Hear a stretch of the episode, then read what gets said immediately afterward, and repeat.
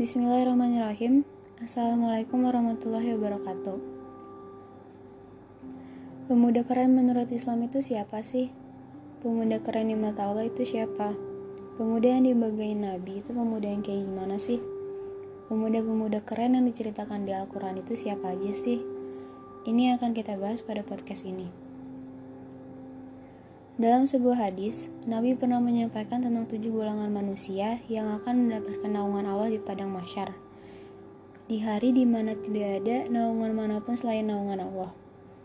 Kita tahu, padang masyar adalah sebuah tempat yang sangat luas. Tidak ada gunung, tidak ada pohon, sedangkan matahari ada sangat dekat persis di atas kepala kita. Pada waktu itu, kita akan berjalan tanpa menggunakan alas kaki apa pun kita akan berjalan menuju ke tempat hisap dengan perjalanan yang sangat jauh dan juga lama.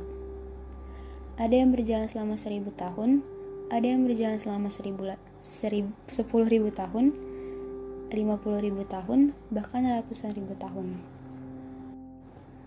Pada saat semua orang sibuk sendiri-sendiri, tidak ada yang menolong kita, akan ada tujuh golongan hamba Allah yang akan dapat naungan dari Allah.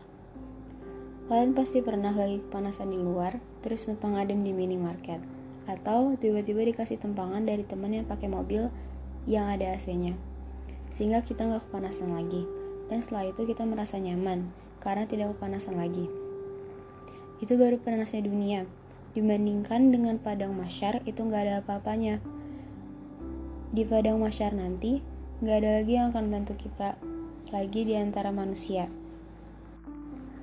Gak akan ada lagi ruangan ber-AC yang bisa dipakai ngadem, gak ada lagi mobil ber-AC, gak ada lagi tempat buat berteduh. Di padang masyar, gak ada naungan lain selain naungan Allah. Tapi hanya ada tujuh golongan manusia yang akan mendapat naungan dari Allah. Dari antara tujuh golongan itu, golongan keduanya adalah pemuda yang tumbuh dalam beribadah kepada Allah.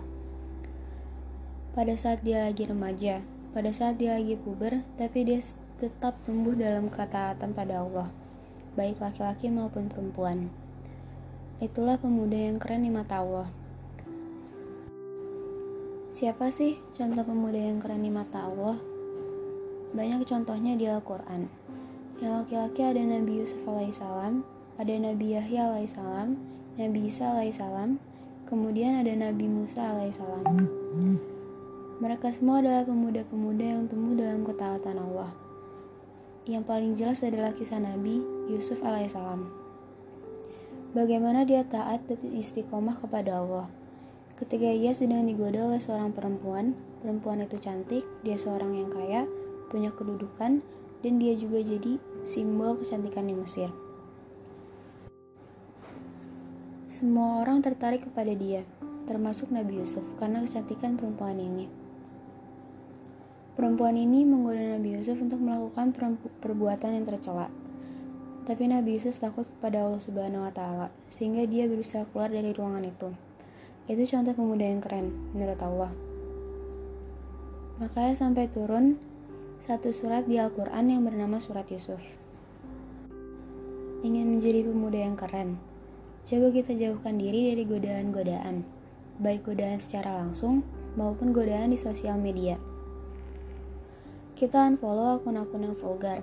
Kita nggak mau ngeklik akun-akun yang bisa membuat mata kita menjadi kotor dengan pandangannya. Selanjutnya ada Sayyidah Maryam radhiyallahu anha yang dikisahkan di Al-Quran.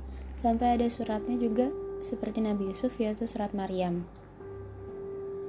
Dia adalah pemudi yang keren, perempuan remaja yang bisa tumbuh dalam pertumbuhan yang baik.